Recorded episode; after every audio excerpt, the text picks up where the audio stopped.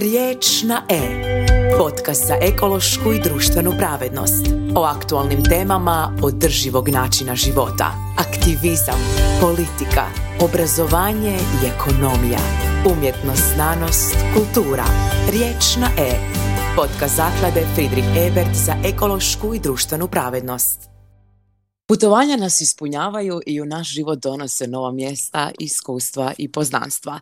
Putovanja nas definitivno oplemenjuju te nam donose nove perspektive, ali što se događa kad ona postanu neodrživa za nas i za samu sredinu u kojoj boravimo? U današnjem podcastu razgovaramo o trenutno vrlo aktualnoj temi turizma, odnosno o tome kako turizam u 21. stoljeću može biti održiv. O tome razgovaramo s našom gošćom, stručnjakinjom za održivi razvoj, Mile Milenom Radošević. Milena, dobrodošla u naš podcast. Hvala na pozivu, lijepi pozdrav svima. Pa evo za početak, budući da nam e, vi dolazite iz Istre, kakva nam je trenutno turistička situacija u Istri? Vrlo, vrlo e, napučena e, gostima mhm. iz Europe i svijeta. Dakle, velike su gužve, naravno nalazimo se usred e, mm. ljetne turističke sezone. Mislim da trenutno u Istri ima više gostiju nego što nas možda ima ovaj, stalnih stanovnika, tako da e, snalazimo se, nastojimo biti strpljivi, nastojimo biti tolerantni, otvoreni, rješavati probleme jedan po jedan, eto tako, gužva. Znači gužva je. Drago mi je da ste to odmah spomenuli jer realno to je jedna, um, jedna od specifičnosti um, u stvari masovnog turizma naspram održivog turizma. Pa kad govorimo na primjer o toj masovnosti današnjeg turizma, o velikom, velikom broju gostiju, smatrate li da je to neki od generalnih turističkih trendova danas u Hrvatskoj, ali i generalno u Europi i svijetu?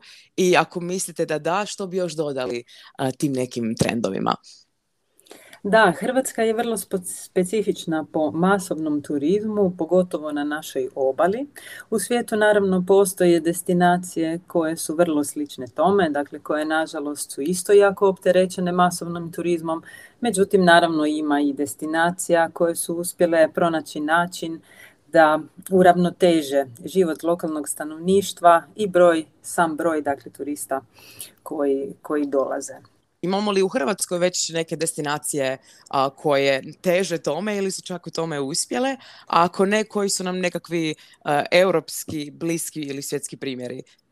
Da, e, ja bih možda za, i za početak rekla još jednu stvar vezano za turizam. Vi ste jako lijepo krenuli. Turizam zapravo nas svih čini sretnima. Mi kad mhm. putujemo, otvaramo vidike i ako pogledamo na globalnoj razini, turizam je jedan e, je jedna vrlo snažna gospodarska grana. Znači da. izuzetno je važna i to smo vidjeli i na primjeru tijekom pandemije koronavirusa, vidjeli smo i kako u određenim dijelovima svijeta se i cijeli ekonomski sustav poprilično poljuljao uspravo, upravo zbog nedostatka turista. To su najviše je pogodilo neke azijske zemlje i, tako. Tako da mhm. turizam je jako pozitivan za svijet, a jako je i pozitivan zato što nam je pogotovo u zadnjih dvadesetak godina donio nevjerojatnu razmjenu perspektiva, doživljaja, poimanja drugih kultura, učenja od drugih kultura. Dakle, nije samo poslom da ljudi više putuju, nego sve više putuju jer žele širiti vidike, dakle ne samo da se žele relaksirati, ne samo da se žele zabaviti u određenoj destinaciji, nego je posebno bitan postao taj faktor širenja e, vidika i osobnog razvoja. I to je jedan od važnijih e, također globalnih e, trendova koji je za nas kao civilizaciju naravno izuzetno pozitivan. A s druge strane, vrlo često ono što je pozitivno ima i svojih nekakvih nus pojava, pogotovo ukoliko ih na vrijeme ne predvidimo i nastojimo njima upravljati na jedan konstruktivan način. Pa tako, evo spominjali smo dakle taj masovni turizam. Mm. mi e, smo se kao država evo i ove godine nešto više usmjerili promišljanju održivog turizma budući da se e, priprema nova strategija razvoja održivog turizma do 2030. godine e, u Hrvatskoj. Tu je, dakle, tijekom ove godine bilo jako puno razgovora na nivou svih institucija i zainteresiranih strana, promišljenja kako izaći na kraj sa poteškoćama s kojima se susrećemo. Naravno, postoje poteškoće različitih vrsta, ali sve više su nam primjetne i poteškoće e, upravo dakle zbog masovnog turizma i u infrastrukturi koja u nekim određenim područjima ne može podnijeti više e, toliki pritisak e, toliki pritisak ljudi na određenom mjestu mi na primjer nedovoljno se bavimo izradom onoga što se zove caring capacity. Znači, mm studija koje bi procijenile koliko zapravo određeni grad, određena destinacija može podnijeti turista i na temelju kojih kriterija definiramo da li bi ih trebalo biti manje ili više. Naravno, kriteriji nisu samo ekonomske narove, naravi, nego bi trebali biti i naravi e, ugodnosti življenja, u tom mm. mjestu, jednog normalnog života, uravnoteženog za lokalno stanovništvo. Tu se onda naravno javlja i taj naš kronični problem apartmanizacije, pogotovo na ovom gdje dolazimo i do socijalnih problema, eh, gdje recimo ljudi koji žive u eh, dakle, iznajmljenim eh, stambenim prostorima dolaze u poteškoću pronalaska vlastitog stambenog prostora mm. upravo zbog interesa iznajmljivača za nešto bržom i lakšom zaradom tijekom ljetnih sezona, što dakle dovodi u jedno stanje poprilične tenzije i stresa ljude koji žive tijekom cijele godine na određenom mm-hmm. prostoru, koji su u tom prostoru bi trebali, imaju pravo i trebali bi se osjećati kao kod kuće, trebali bi se osjećati dobro, trebali bi se osjećati ljudski i dostojanstveno. U stvari, drago mi je da ste već spomenuli ove, možemo reći, te neke ekonomske i društvene faktore koje turizam donosi za nas, pogotovo kad pričamo o održivom turizmu, ali tu su naravno neki i kulturni i ekološki faktori. Ono što je jako zanimljivo je što ste već spomenuli da Hrvatska jednim dijelom stvarno i živi od turizma. Ne znam, 2018. 2019. godine smo dosegnuli europski vrh po udjelu turizma u BDP-u oko 20%. I sad kako da jedna možemo reći turistička zemlja, tako da se mi okrenemo održivom turizmu koji nije toliko masovan ukoliko velikim dijelom u stvari živimo od tog turizma. Koje pozitivne, odnosno negativne posljedice to u hrvatskom slučaju nosi sa sobom? Ima ta jedna narodna mudrost koja kaže najgore, najgore je dati pa uzeti. E, da, točno to, točno to. Održivi turizam kao i održivi razvoj u konačnici bazira se na jednom odgovornijem odnosu prema resursima koje koristimo.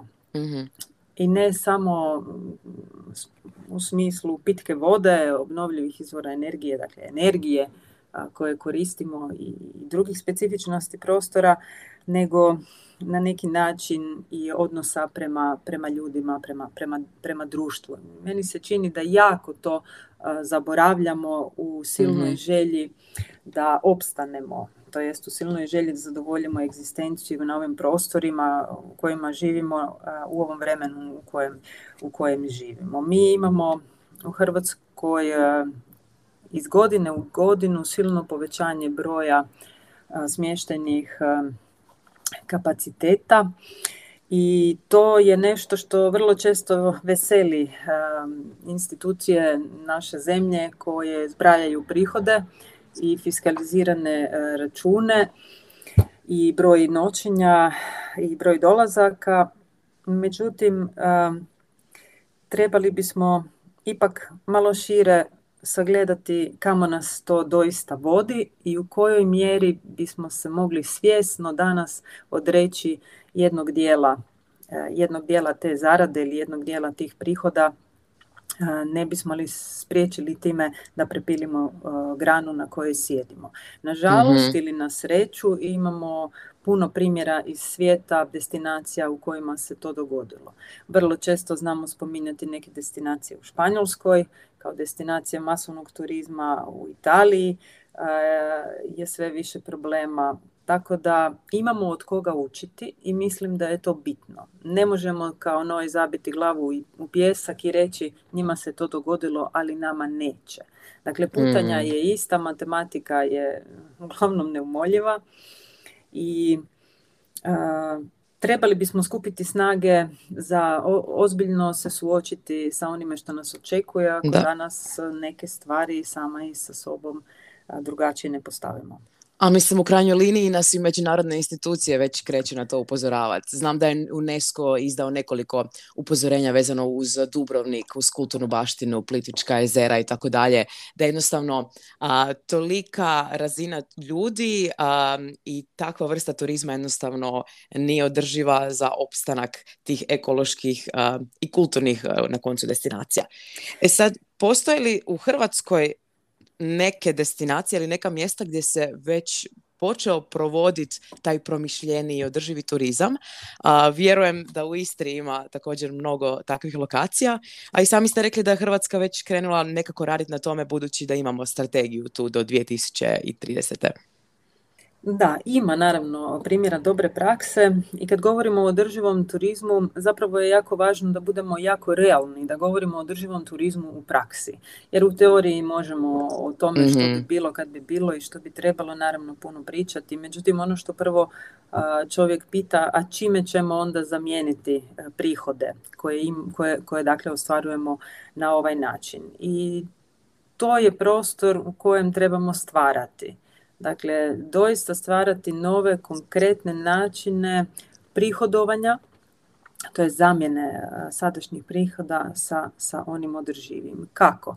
Evo, na primjer, budući da sam ja iz Istre, dati ću vam mhm. jedan primjer iz Istre. Prije pet godina Istarska županija započela je prva u Hrvatskoj s jednim e, programom poticanja veće održivosti e, u e, području, dakle u segmentu privatnih iznajmljivača, dakle malih privatnih iznajmljivača, to su obitelji ili privatne dakle osobe, ne u smislu hotela. Zašto? Zato što su oni prostorno potpuno široko, dakle na prostoru raspoređeni i nastojanje da se promijene navike ili promijene promijenje mišljenja, e, promijene načina stvaranje jednog boljeg oblika turizma na nivou cijele županije, to jest kroz najmanje, e, najsitnije segmente mhm. je jako značajno jer oni najviše utječu na svoju lokalnu zajednicu. Dakle, mi mhm. kad govorimo o hotelu, onda obično zamišljamo neku veliku građevinu tamo negdje na moru, ovaj, na samoj obali mora ili slično. Međutim, kad govorimo o privatnim iznajmljivačima kojih pak u Hrvatskoj ima najviše i ako gledamo statističke podatke, najviše noćenja se ostvaruje u privatnom sektoru, mm. onda su to upravo te ciljane skupine s kojima se može e, jako puno raditi na e, promjeni načina percepcije uopće turizma kakav bi mogao biti i gdje se ljudi naj, e, najučinkovitije mogu osnaživati na promjenu uh, svog mhm. stava, to jest svojih nadanja kakvi još drugi oblici turizma ih, im mogu pomoći. Tako je Istarska županija uh, započela uh, jedan program koji se zove Ekodomus. To je program označavanja malih održivih smještenih objekata. Danas postoji oko 50 objekata, dakle vlasnika koji su se uključili. To nije broj koji je veliki, nije broj koji je mali, budući da doista ljudi iskreno žele raditi u smjeru kvalitete i u mhm. smjeru komuniciranja vlastitog načina poslovanja na jedan način koji gostu potencijalnom govori da je tog vlasnika briga za njegovu zajednicu. Dakle, da promišlja o tome kakav utjecaj njegove mhm. svakodnevne odluke imaju na njegovu lokalnu zajednicu i onda tako svako u svojoj lokalnoj zajednici i tekako može učiniti promjenu. U stvari možemo reći da vi smatrate da promjena dolazi od onih e, prvih najsitnijih jedinica prema, prema dalje. Znači e, možemo reći da ako želimo promijeniti naš, našu turističku situaciju na bolje, da trebamo krenuti znači, od manjih iznajmljivača, od onih prvih, prvih razina turizma, pa da se to, taj trend širi nadalje. Naravno da svi podjednako igraju ulogu. Da, da, naravno. međutim, e, baza ili lokalna zajednica je ono gdje se mijenja ne samo poslovanje, mm. nego i mentalitet cijele cijele jedna destinacija. I kakav je interes ovaj ljudi da se priključe ekodomosu? Kako su reagirali sudionici, možemo reći? Jako je sporo išao taj program na mhm. samom početku, zato što kad pogledamo što se sve dogodilo u zadnjih pet godina, promjene su ogromne. Ne izgledaju mhm. tako na prvi po- pogled, međutim promjene su ogromne. Prije pet godina kad smo govorili o održivom turizmu, to je bila otprilike jedna tema posve pa čak i trivialna na našim mhm. prostorima o kojoj su više govorili filozofi ili teoretičari društvenih promjena nego što je to bilo nešto što je smatrano da je realnost ili da je nešto čemu bismo trebali prionuti. Tako da e, Danas evo vidimo da i u našoj novoj strategiji se to e, naglašava i da je u biti u međuvremenu ovih pet godina cijela Europa prešla na razmišljanje u tom smjeru i odvojila značajna financijska e, sredstva mhm. u tom smjeru da se dakle financira razvoj. I ne samo to, nego i veliki e, globalni turistički portali, evo spomenut ću samo neke primjerice Booking.com mhm. koji je bio prvi, dakle uvodi u svoje prakse označavanja označavanje odgovornih oblika turizma, označavanje odgovornih oblika pružanja turističkih usluga, što je jedan game changer, bi rekli, dakle to je nešto što daje e, prostora i daje komunikacijski kanal onima koji se u turizmu trude stvoriti održivije e, održivije poslovanje, to jest stvoriti primjer dobre prakse ne bi li se on eh, proširio eh, na cijelu sredinu u kojoj, u kojoj posluju. Meni se čak i čini da ne samo da su, na primjer, institucije, međunarodne institucije kao što je EU, da su počele naglašavati to, nego mi se čini da i normalni ljudi da su počeli razmišljati više u nekom smjeru kao u redu, a ne moram baš, na primjer, ići na avion ako mogu otići negdje vlakom. Ili možda je bolje da odem negdje van špice turističke sezone, tako da više uživam u nekoj destinaciji gdje su i manje gužve i samim time je bolje i meni i drugima. Kao, čini mi se da je takav način razmišljanja da polako ulazi u taj neki mainstream i stvarno bi bila odlična pozicija za Hrvatsku da se u tome nekako i pozicionira. Jer stvarno ja mislim da tu postoji ogroman, ogroman potencijal. Je, pogotovo kod mlađih generacija koje su izuzetno svjesne e, onoga što nam dolazi u budućnosti i koji žele biti e, stvaratelji te budućnosti, a ne samo pasivni promatrači a, problema u nastajanju. Mhm, slažem se. Mislite li, na primjer, da obrazovanje i edukacija imaju veliku ulogu u tome? Ili što bi vi u stvari rekli da je glavni element a, poticanja održivog turizma trenutno? Trenutno je svakako glavni element poticanja kretanje, dakle globalno kretanje i posebice kretanje u Europskoj uniji, to moramo priznati mm razne vrlo izdašne financijske instrumente koji su na raspolaganju i koji zahtijevaju od novih projekata razvojnih u turizmu da komponiraju i elemente dakle održivog razvoja, to je zaštite okoliša i sličnog. S druge strane imamo jednu veliku promjenu svijesti, naravno koja se događa, mm. to je i zbog novih generacija koje dolaze, koje su svjesni, to smo već spominjali i tu je obrazovanje i edukacija zapravo izuzetno bitno i to ponajviše kroz razvoj svijesti i valorizaciju onoga što imamo. Dakle, mi često zaboravljamo vrijednost onoga što nas okružuje ili ravnoteže u kojoj trenutno živimo pa tako i nekih eh, resursa prirodnih, kulturnih, društvenih, eh, autentičnih, lokalnih koje bismo isto tako mogli eh, pretvoriti u turistički proizvod što ne bi izaskivalo dodatno opterećenje negativno na bilo koji način, već bi bilo nešto zanimljivo, novo, inovativno i izuzetno primjereno modernom turistu. Tu da, da. ponajviše u biti bi bilo potrebno raditi na širenju perspektiva jer mi e, u Hrvatskoj usmjereni u još uvijek turizam sunca i mora mm. imamo dosta mm, ograničene spoznaje o razno raznim inovacijama koje bismo mogli sprovoditi i ponuditi, a na koje su naši e, gosti i tekako e, naviknuti na drugim destinacijama na koje putuju. Dakle, nije da oni dolaze samo ovdje, oni putuju i po drugim europskim zemljama i svjetskim, a mi ponekad doživljavamo da je to što nudimo eto to što je njima dovoljno, dakle zabava i opuštanje. Međutim, ono što možemo prenijeti su i neke druge kvalitete poput kvaliteta dopiranja do, do, do, dakle do njih kao do ljudi u kategoriji doživljajnog turizma. To je nešto mhm. što je jako se razvija brzo u svijetu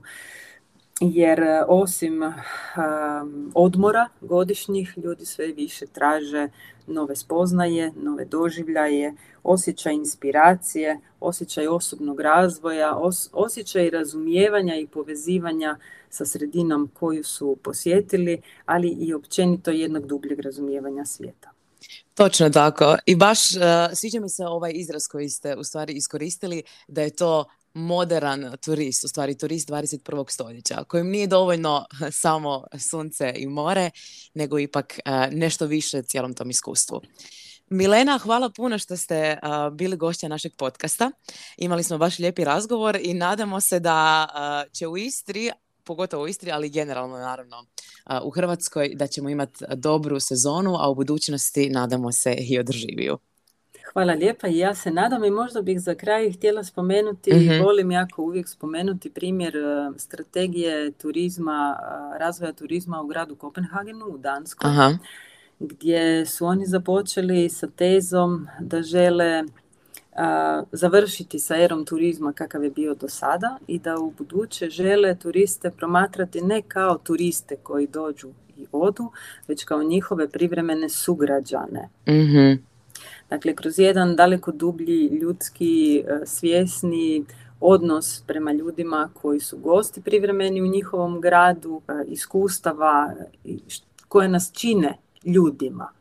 Mhm. Tako da preporučam svakome e, ako želi se upoznati i proširiti vidike u tom smislu da pročita vrlo kratku, to je desetak stranica, strategiju razvoja, razvoja turizma grada Kopenhagena. Mislim da znam što će mi biti iduća, iduća literatura za ugodno popodne.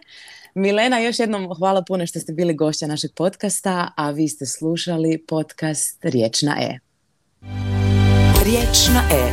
Podcast zaklade Friedrich Ebert za ekološku i društvenu pravednost.